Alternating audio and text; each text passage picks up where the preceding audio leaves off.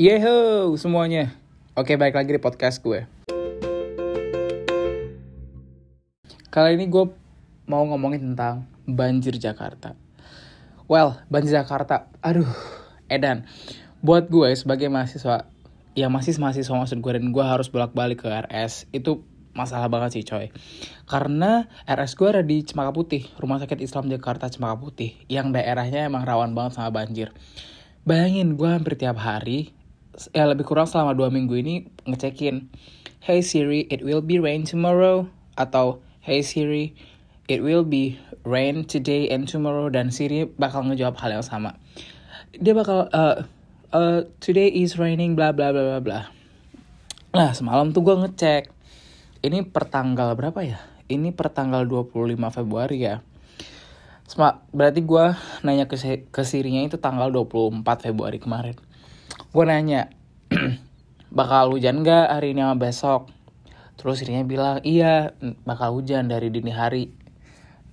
Kalau prediksi Siri sih dari jam 12 malam sampai jam 8 pagi nih. Bener coy, ini hujannya baru berhenti sih sebenarnya. Nah, gue kan ngecek. Katanya sih cuma hujan ringan doang. Ya tapi yang namanya Jakarta ya, gue gua nggak ngerti sih. Gue bukan orang Jakarta asli. Gue asal gue dari Padang.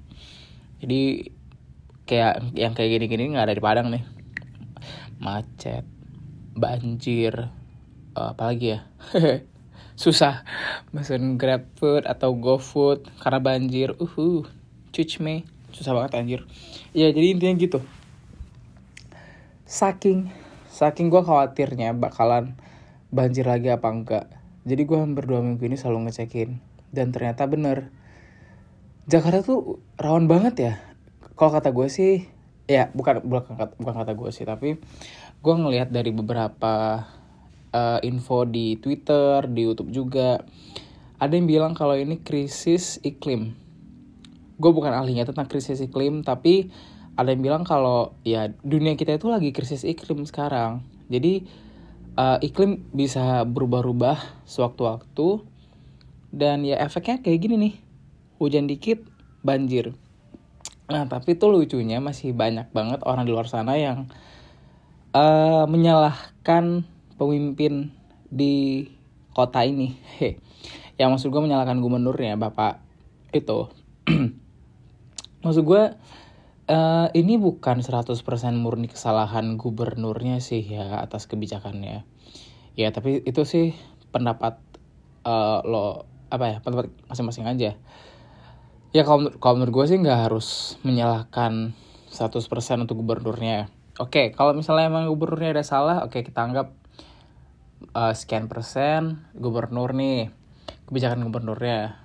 Tapi lo juga harus ingat di sini yang berperan juga ada masyarakat umum, termasuk gue, termasuk lo juga.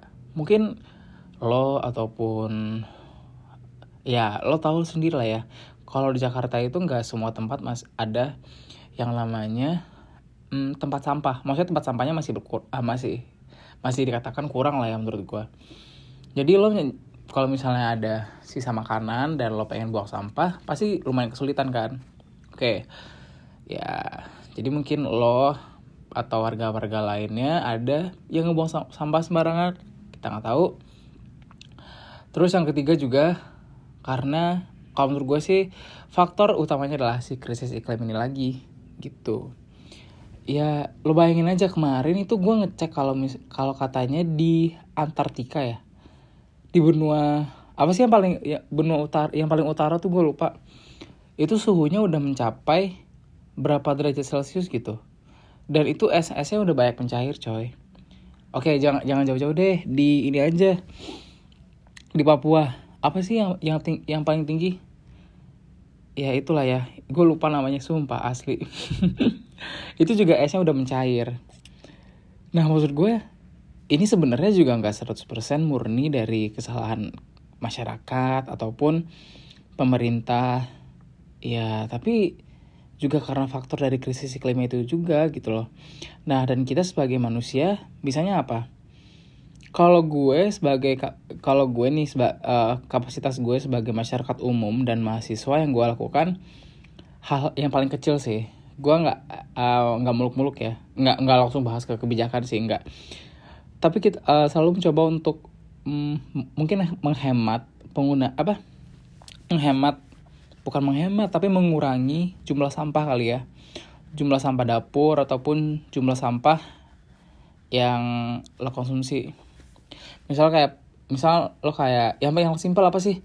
Kalau gue nih kalau gue nih coba deh lo tanya sama teman-teman gue. Gue selalu bawa botol minum botol minum yang isi ulang gitu. Mereknya apa ya? Ya adalah ya ya ukurannya satu setengah liter. Terus gue juga selalu bawa sendok sendok makan sendiri yang dari Miniso. Ini gak disponsorin ya btw tapi gue suka banget tuh um, sendok Miniso. Kecil simple dan sangat bisa dibawa ke mana aja. Hehe. Boleh Miniso mungkin ngesponsorin gue. Oke terus gue juga ada yang uh, apa stainless steel sedotan stainless steel itu loh. Nah gue selalu bawa tiga ini maupun itu ke RS atau ke mana pun. Jadi kalau misalnya even even gue kalau misalnya ya nggak lagi jajan pun gue tetap bawa itu gitu loh. Karena gue ber karena gue pengen uh, gue nggak apa ya gue mengurangi penggunaan plastik gue gitu loh. Kan banyak ya coy.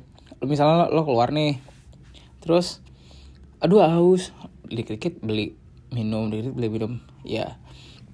Nah kadang gue itu kalau misalnya bawa yang uh, botol satu setengah liter. Pasti aja dibicarain sama teman-teman. Lo bawa galon ya Zak? Atau gila gede banget. Buat apa sih bawa galon? Ya intinya teman-teman gue selalu bilang kenapa gue bawa galon? Ya pertama sih pertama sih tujuan gue bukan buat mengurangi penggunaan plastik atau apa ya. Tapi pertama gue lebih hemat. Ya orang Padang gitu loh ya menurut gue gue pertama lebih hemat dan gue nggak ribet nyari minuman karena gue selalu bawa ke mana-mana. Ya walaupun kadang berat sih tapi oke okay lah. Terus juga kalau misalnya sedotan nih eh apa? Sendok. Kalau sendok gue kan selalu cuci sendiri tuh jadi gue tahu tingkat kebersihan dari sendok yang gue punya. Gitu. Jadi ya gue tahu uh, sebersih apa peralatan makan gue peralatan minum gue. Jadi gue gak khawatir ya hitung hitung buat jaga kesehatan juga lah ya sama ngehemat. Iya itu sih.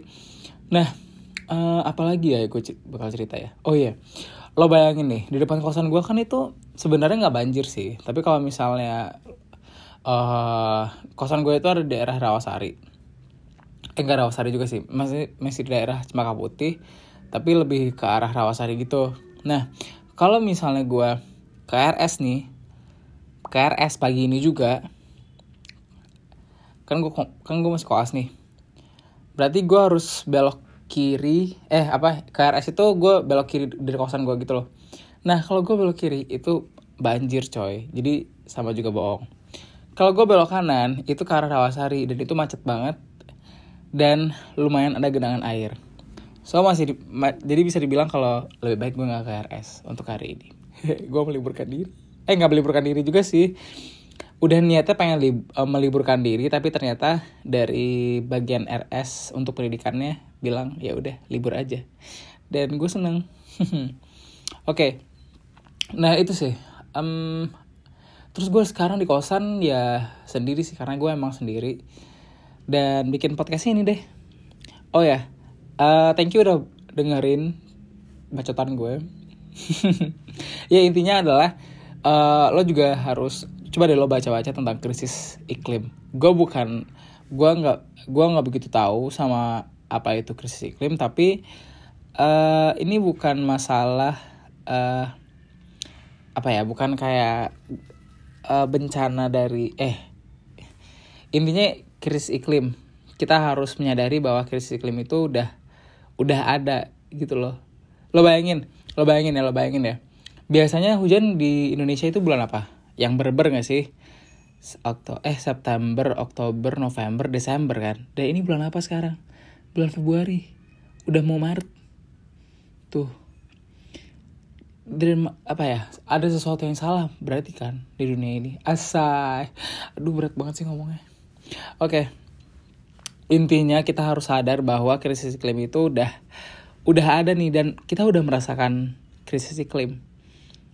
Dan gue pengen ngajak buat lo semua untuk uh, lebih concern lagi sama lingkungan, ya. Uh, tapi tetap baca-baca lagi tentang krisis iklim.